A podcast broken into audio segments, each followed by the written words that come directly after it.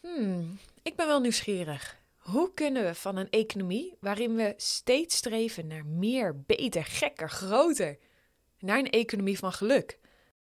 Kunnen we ons leven vol werkdruk en prestatiedrang vervangen voor een leven gevuld met verbinding en vrije tijd? Spoiler? Ja, dat is dus mogelijk en dat klinkt toch fantastisch? Daar moest ik meer over weten. Ik praat dan ook met Paul Schendeling. Paul is econoom, schrijver en spreker. Hij adviseert en schrijft en spreekt over sociale en ecologische vraagstukken vanuit een economische invalshoek.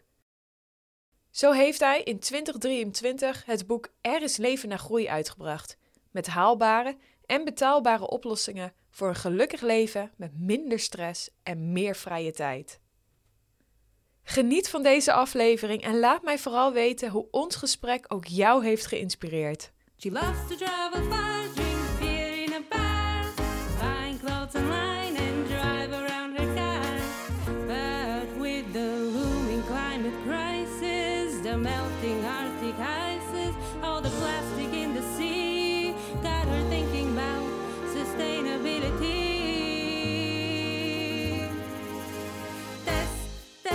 Sustainability. Woo! Het mooie vind ik, jij komt op het beste moment in de podcast, al zeg ik het zelf. Als we dit opnemen, zijn de verkiezingen nog lang niet eh, zo lang geleden. En toen merkte ik dat er best wel wat geluiden kwamen van ja, we missen een verhaal, een toekomstperspectief als we het hebben over duurzaam leven. Maar juist Mhm. toen ik jouw verhaal hoorde en het boek Er is leven na groei las, kreeg ik juist een heel mooi beeld voor me. Een verhaal dat juist gedeeld moet worden. Dus eh, ja, Mooi. dankjewel voor je digitale komst.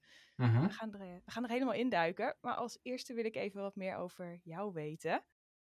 Waarom ben jij als eh, econoom je gaan verdiepen in het thema duurzaamheid? Nou, het is wel grappig, jouw vraag, want eigenlijk ging het andersom. Ik, ik, ik was al geïnteresseerd in, in duurzaamheid en ook de sociale omstandigheden waar, waarmee onze producten worden gemaakt. En ik heb om die reden gekozen om economie te gaan studeren.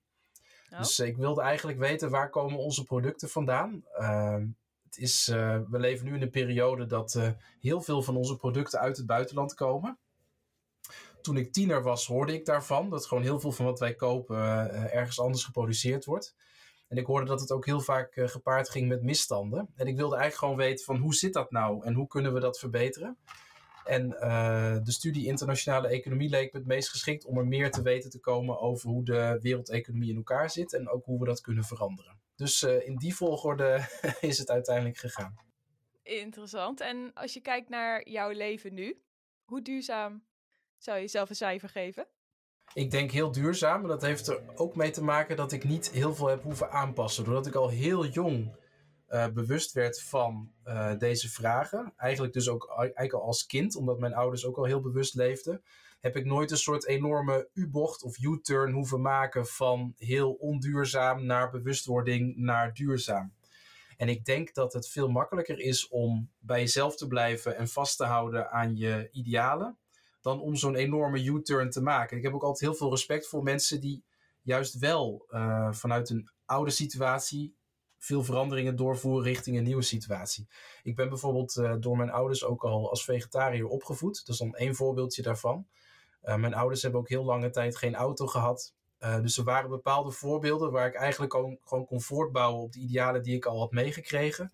En niet Ja. een enorme omwenteling in mijn eigen leven hoefde te maken. Desondanks heb ik wel samen met mijn vrouw best nog wel wat wissels omgezet in ons leven. Toen we erachter kwamen dat we ook nog wel wat blinde vlekken hadden.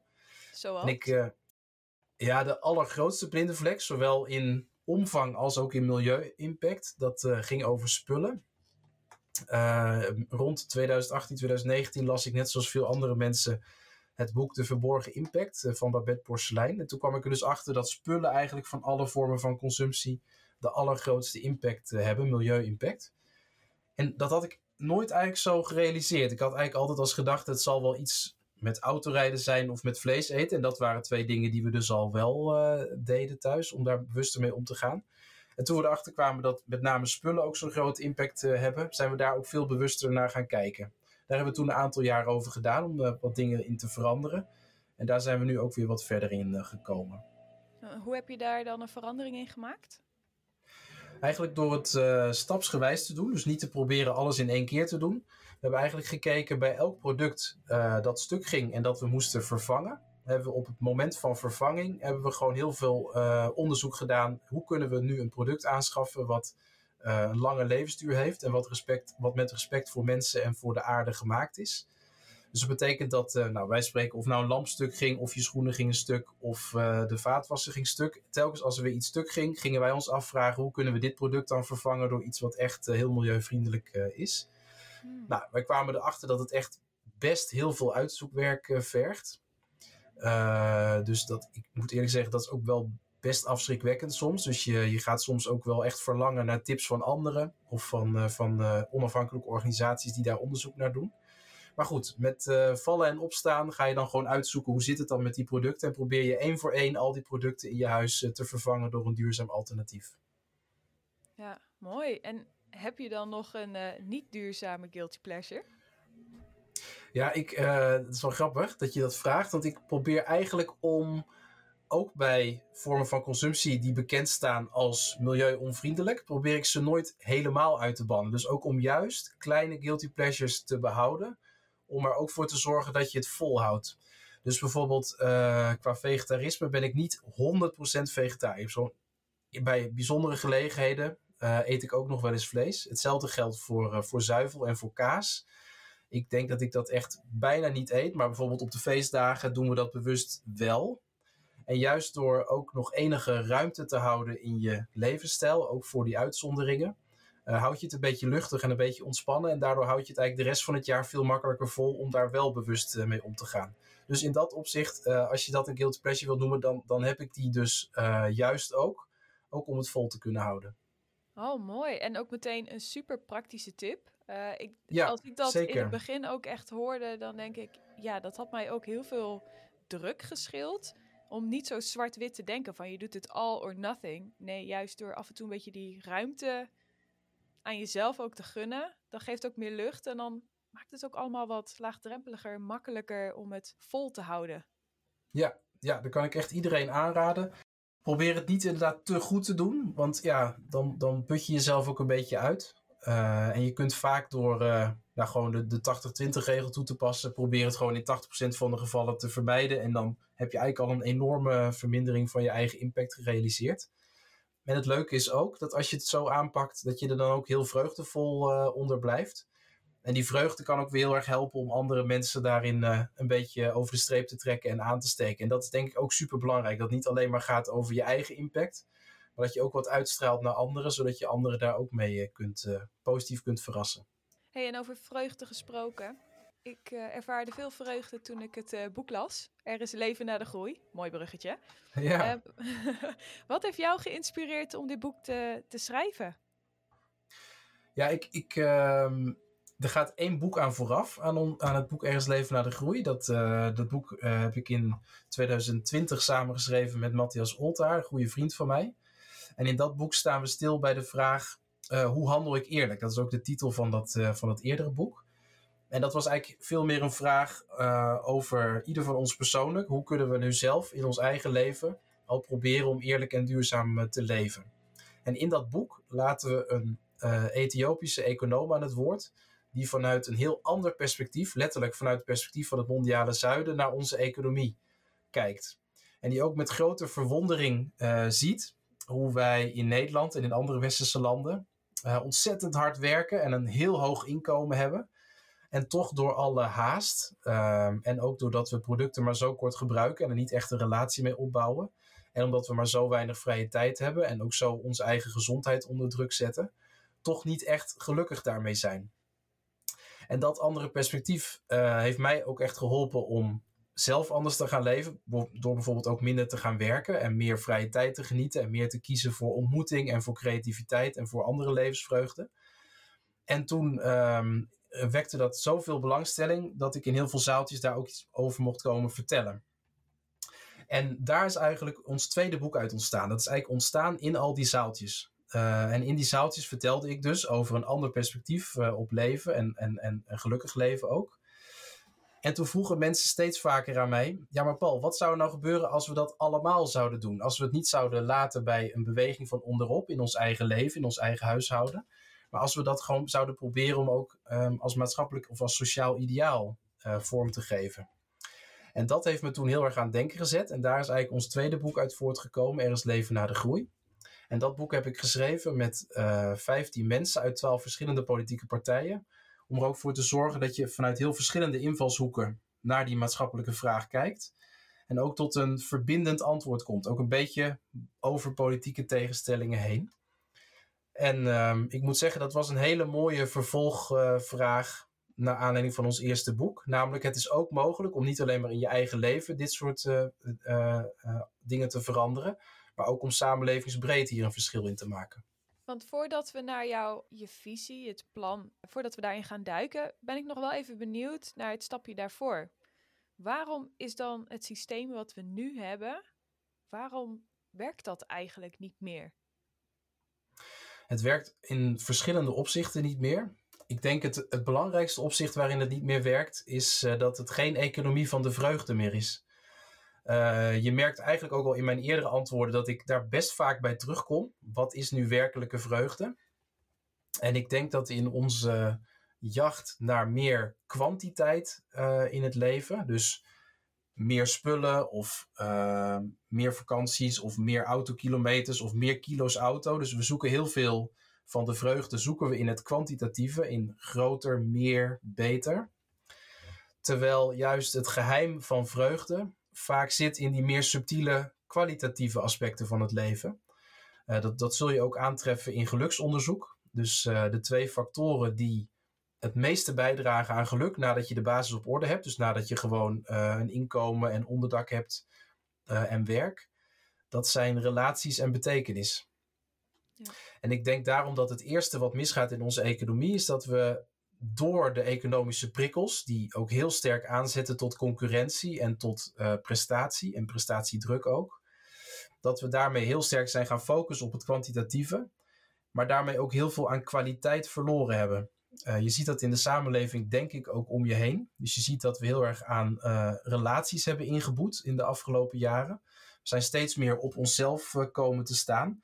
Juist omdat we ook ons leven zo efficiënt moeten inrichten en zo elke minuut moeten spenderen aan iets productiefs, hebben we nog maar heel weinig tijd en ruimte over voor die ja, kwalitatieve contacten en sociale contacten. En ik denk dat we ook heel veel aan betekenis hebben ingeboet, omdat die efficiëntie ook heel veel ja, betekenisvolle vormen van bijvoorbeeld vrijwilligerswerk en andere vormen van arbeid uh, wegwist. Dus dat is één aspect. Maar naast het sociale aspect is natuurlijk ook een heel groot ja, ecologisch probleem waarom, waarom onze economie niet verder kan zoals we nu uh, zijn gegaan.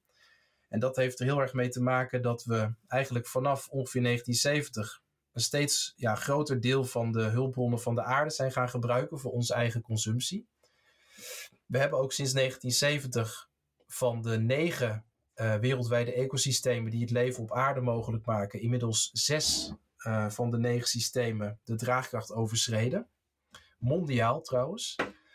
En ja we staan dus eigenlijk ook ecologisch gezien in het rood. Je zou, als je het heel precies uitdrukt, we hebben eigenlijk een ecologisch begrotingstekort. We staan echt zwaar in het rood bij uh, de aarde. Dus als we dit nog veel langer zo zouden doen, dan zouden ook verschillende ja, tipping points van die ecosystemen overschreden worden. Bijvoorbeeld tipping points uh, over het klimaat, maar bijvoorbeeld ook onomkeerbare schade aan de biodiversiteit. Maar ook bijvoorbeeld onomkeerbare schade aan uh, uh, grondwaterspiegels, aan de bodemkwaliteit, aan de capaciteit van de aarde om toxische stoffen op te nemen. Nou, zo zijn er dus zes factoren, zes van die mondiale systemen die echt uh, zwaar in het rood staan. En we hebben eigenlijk nu als opgave om in heel korte tijd, eigenlijk in 20 tot 30 jaar, um, dat tekort op te heffen. Dus om weer binnen de draagkracht van de aarde te gaan leven. En het tweede grote probleem laat zich samenvatten in dit uh, ene zinnetje. Uh, er is geen wetenschappelijk bewijs dat het mogelijk is om uh, de economie voldoende te vergroenen in combinatie met consumptiegroei. Dus anders gezegd, het is niet mogelijk om weer binnen de draagkracht van de aarde te gaan leven, binnen afzienbare tijd, in combinatie met consumptiegroei. En dat is eigenlijk de tweede fundamentele reden waarom we ook echt moeten nadenken over een ander soort economie. Hm. Dus eigenlijk de term die je best wel vaak hoort tegenwoordig, groene groei, wordt daarmee van de tafel geveegd. Ja, dat is eigenlijk een contradictie in zichzelf, groene groei. Of als je het, uh, als je nog iets positiever uitdrukt, het is een hele mooie vorm van wensdenken. En kijk, ik snap ook dat mensen uh, snakken naar een visie. En dat mensen ook uh, behoefte hebben aan een positief verhaal voor de toekomst. Ik vind dat mensen daar ook groot gelijk in hebben. We hebben ook een positief verhaal voor de toekomst nodig. Alleen groene groei heeft geen enkele wetenschappelijke onderbouwing. Dus het is eigenlijk nog nooit een land in de geschiedenis gelukt om op de vijf uh, voornaamste oorzaken van het overschrijden van de draagkracht van de aarde, om die vijf oorzaken tegelijk terug te brengen in combinatie met groei. Laat staan dat we dat snel genoeg kunnen doen. Ja. Dus het, het vergt eigenlijk een onmogelijkheid, waar ook geen wetenschappelijk bewijs voor is.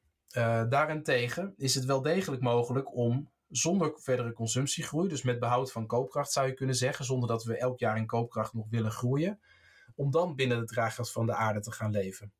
Dus we, wat we eigenlijk nodig hebben, is een positieve visie, namelijk een gelukkiger Nederland dat binnen de draagkracht van de aarde leeft, maar dan op zo'n manier dat niet onze welvaart in euro's gemeten jaar op jaar maar moet blijven toenemen. Dus Paul, neem ons mee. Wat is de oplossing? de oplossing. Nou ja, de oplossing die bestaat niet. Anders zou je denk ik ook mijn verhaal uh, heel uh, erg moeten gaan wantrouwen. En terecht ook. Het is niet eigenlijk één oplossing of één silver bullet. We presenteren in ons boek een heel palet aan oplossingen. Kun je daar dan toch niet een rode draad in vinden, is dan misschien je vraag. Nou, gelukkig wel. Ik denk dat de rode draad van ons boek wel heel kort en kernachtig samen te, te vatten is. En dat is eigenlijk een verschuiving van focus van kwantiteit naar kwaliteit. Dus ik zei eigenlijk al, een van de problemen in onze huidige economie is dat we enorm ja, geobsedeerd zijn door kwantiteit. Alles meer, beter, groter. Terwijl dat eigenlijk in termen van geluk uh, geen enkele extra kwaliteit van leven meer oplevert. En we kunnen onze focus verschuiven naar kwaliteit. En daar zit denk ik ook de sleutel voor alle oplossingsrichtingen die we in ons boek aanreiken. En je kunt eigenlijk kwaliteit dus ook op heel verschillende manieren invullen. En dat laat ook een beetje de waaier aan oplossingen in ons boek uh, zien. Laat ik drie voorbeelden van kwaliteit uh, noemen. Het eerste voorbeeld van kwaliteit gaat echt over de kwaliteit van de tastbare fysieke producten die we dagelijks gebruiken. Daar waar we nu de industrie toestaan om producten te maken die gemaakt zijn om uit elkaar te vallen, om ook binnen afzienbare tijd weer vervangen te moeten worden zonder dat ze gerepareerd kunnen worden, zullen we in een postgroeisamenleving producten zo ontwerpen dat ze juist lang meegaan en ook goed te repareren zijn en ook geupgrade kunnen worden. Zodat je niet het hele product hoeft eh, weg te gooien als je één onderdeel wil vervangen, maar gewoon alleen dat ene onderdeel uh, vervangt. Uh, ten tweede gaan we ook heel goed kijken naar de kwaliteit van werk. We hadden net even heel kort, stipte je de verkiezingsuitslag aan. Ik denk dat de verkiezingsuitslag mede ook te maken heeft met het feit dat de kwaliteit van werk, met name kwaliteit van het vakwerk, heel erg is achteruit gegaan. Ook de maatschappelijke waardering voor vakwerk. Ik denk dat het heel belangrijk is dat we de kwaliteit van werk weer gaan vergroten. Dat heeft enerzijds ermee te maken dat ik vind dat iedereen uh, um, aanspraak zou moeten kunnen maken op werk. Dus dat we ook basisbanen zouden moeten creëren vanuit de overheid. Wat maar het heeft ook in? Een basisbaan? Een basisbaan betekent eigenlijk heel simpel dat als je zonder werk komt te zitten, om welke reden ook, of het nou door ziekte is of door werkloosheid of door arbeidsongeschiktheid, dat je in plaats van een uitkering aan te vragen, een basisbaan uh, kunt aanvragen. En waarom is dat beter dan een uitkering? Uh, ja, het grote verschil is dat je als je een basisbaan kunt aanvragen, of als je in ieder geval nog een uh, rol in de samenleving kunt vragen, dat je daarmee nog steeds betrokken bent bij de maatschappij. Dus met een uitkering sta je voor je gevoel aan de kant. Uh, dat heb ik trouwens ook letterlijk zo gehoord van mensen met een uitkering. Terwijl als je een, een baan krijgt, nog echt kunt bijdragen aan de samenleving. En juist het bijdragen geeft betekenis en is daarmee van hele grote waarde voor de kwaliteit van leven. Dus vandaar die keuze om daar ook uh, rekening mee te houden. Het andere aspect is dat we ook vakwerk weer moeten leren waarderen, omdat het kwaliteit toevoegt aan producten die we gebruiken. Denk bijvoorbeeld aan mooie meubels of uh, mooie sieraden of andere mooie producten. Daar komt vakwerk aan te passen. En ik denk dat we die kwaliteit van dat werk meer zouden kunnen waarderen en dat in een postgroeisamenleving daar ook meer ruimte voor uh, zou zijn. En het derde aspect van kwaliteit, het is kwaliteit van leven. En dat gaat eigenlijk ook um, over het feit hoe kunnen we nu de prestatiedruk waar we allemaal nu onder gebukt gaan, hoe kunnen we dat wat verlichten? Nou, je moet je voorstellen dat in onze huidige economie om de economie te laten groeien, moet je telkens meer productie persen uit elk gewerkt uur. En daarmee is eigenlijk een toenemende prestatiedruk ingebakken in het systeem. Nou, dat, dat leidt weliswaar tot een uh, sterke toename van de materiële welvaart, maar het zet ook heel erg de kwaliteit van leven onder druk in allerlei levensfases. Ehm, en ik denk dus dat de derde uh, oplossing is dat we veel meer gaan werken aan gezondheid en welzijn en ook aan meer vrije tijd, in plaats van dat we nog meer gaan streven naar meer productiviteit per uh, gewerkt uur. Als groot fan van vrije tijd ben ik daar heel enthousiast over, over dit idee. Maar hoe, hoe ziet dat eruit? Wat, wat betekent dat voor mij dan? Ja, eigenlijk nu ik een soort waaier heb genoemd van ja, aspecten waar je in een postgroeisamenleving op, op zou kunnen richten, kun je vanuit het doel ook weer gaan terugredeneren, hey, welke middelen of maatregelen zou je daarvoor kunnen inzetten?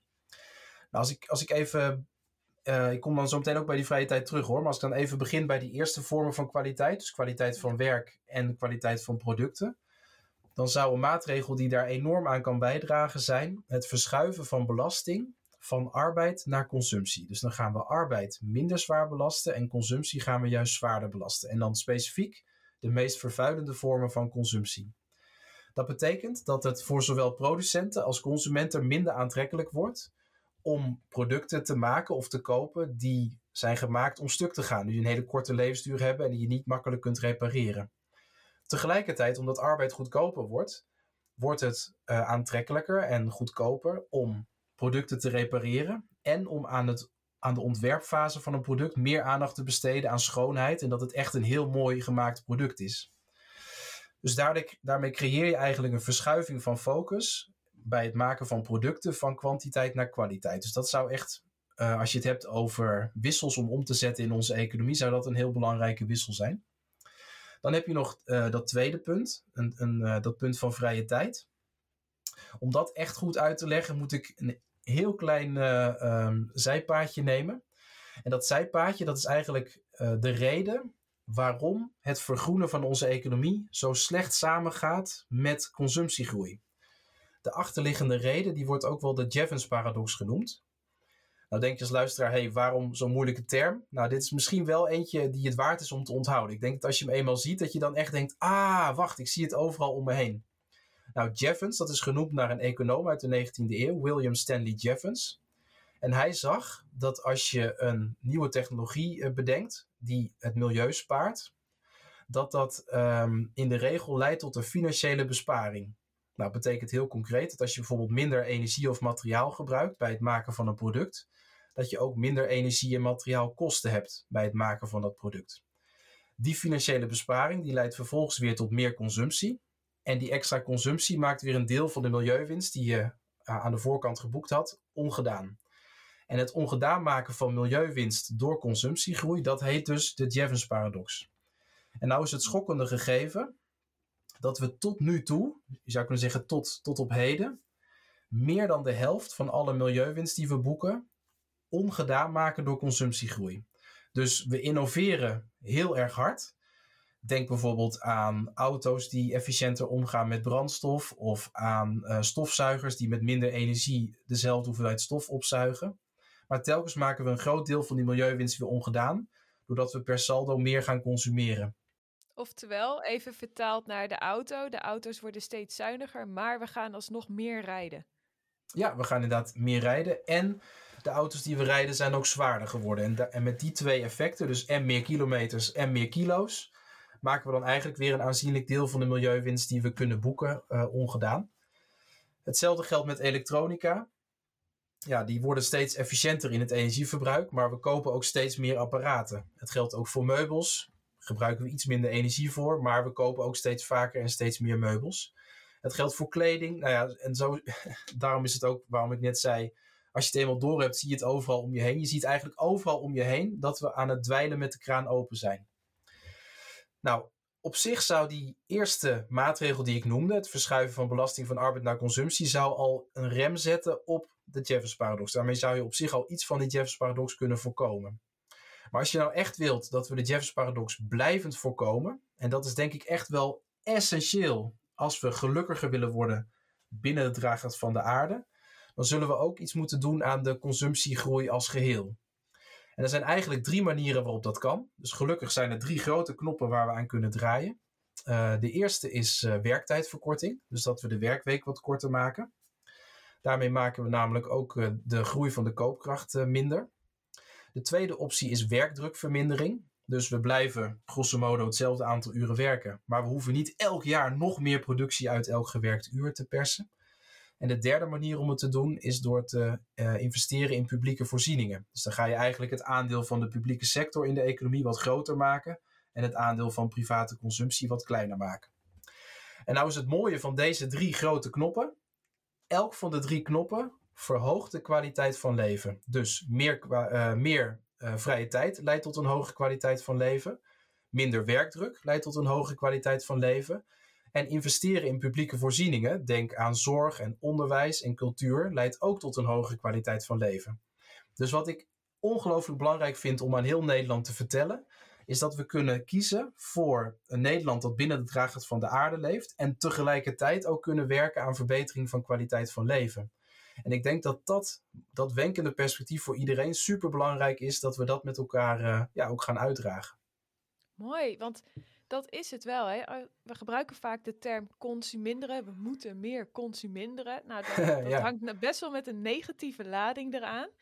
Maar ja. eigenlijk zeg je dus nu met, met minder spullen misschien, hebben we juist meer kwaliteit van leven. Ja, ja. en, het, en ik, ik ben het helemaal met je eens. Het klinkt best tegenintuïtief. En ik snap dus ook helemaal dat veel mensen de associatie hebben. Postgroei, dat betekent van groei naar stilstand. Of misschien zelfs wel voor de pessimisten onder ons van groei naar krimp. Maar eigenlijk is het een beweging van groei naar bloei. Ik denk dat dat eigenlijk het beste uitdrukt wat de beweging is die we kunnen maken. Dus we gaan in plaats van in kwantitatief opzicht uh, de economie laten groeien en alle spulletjes en alle kilo's auto enzovoort, gaan we in kwalitatief opzicht groeien.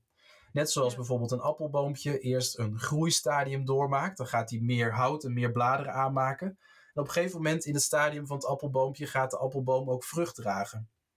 Nou, je zou kunnen zeggen, het geldt voor mensen ook. Uh, wij groeien gelukkig ook niet ons hele leven door. Anders zouden we ons huis uh, ieder jaar weer uh, moeten afbreken en het dak een stukje hoger moeten maken. Wij groeien ook kwantitatief in een bepaald opzicht tot een bepaalde leeftijd. Maar hopelijk groeien daarna geestelijk en mentaal en spiritueel gezien nog wel verder.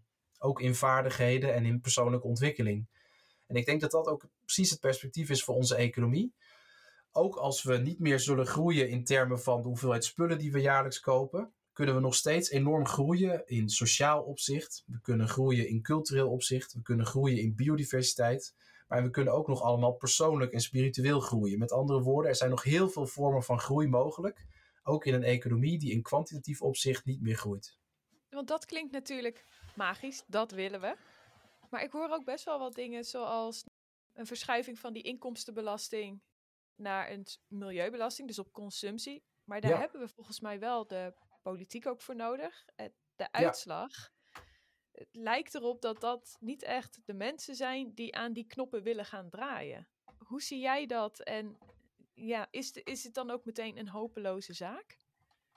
Nou, ik denk dat een van de voornaamste oorzaken waarom we nu ook zo'n uh, verkiezingsuitslag hebben gehad, daar heb ik uh, zelf ook een keer een podcast uh, over gemaakt dat is dat we de basis in Nederland te lang hebben verwaarloosd. Dus eigenlijk is de basis niet op orde. In verschillende opzichten niet.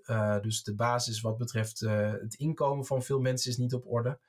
De basis wat betreft huisvesting is niet op orde. De basis wat betreft zorg en onderwijs uh, is niet op orde.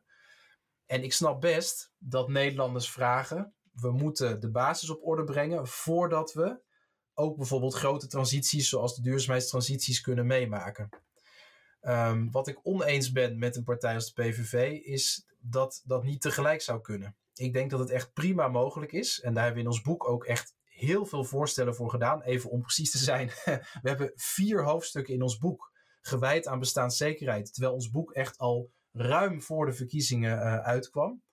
En ik denk dat het prima mogelijk is om tegelijkertijd de basis op orde te brengen. En daarmee ook de zorgen van heel veel mensen over hun bestaanszekerheid en over hun bestaan weg te nemen.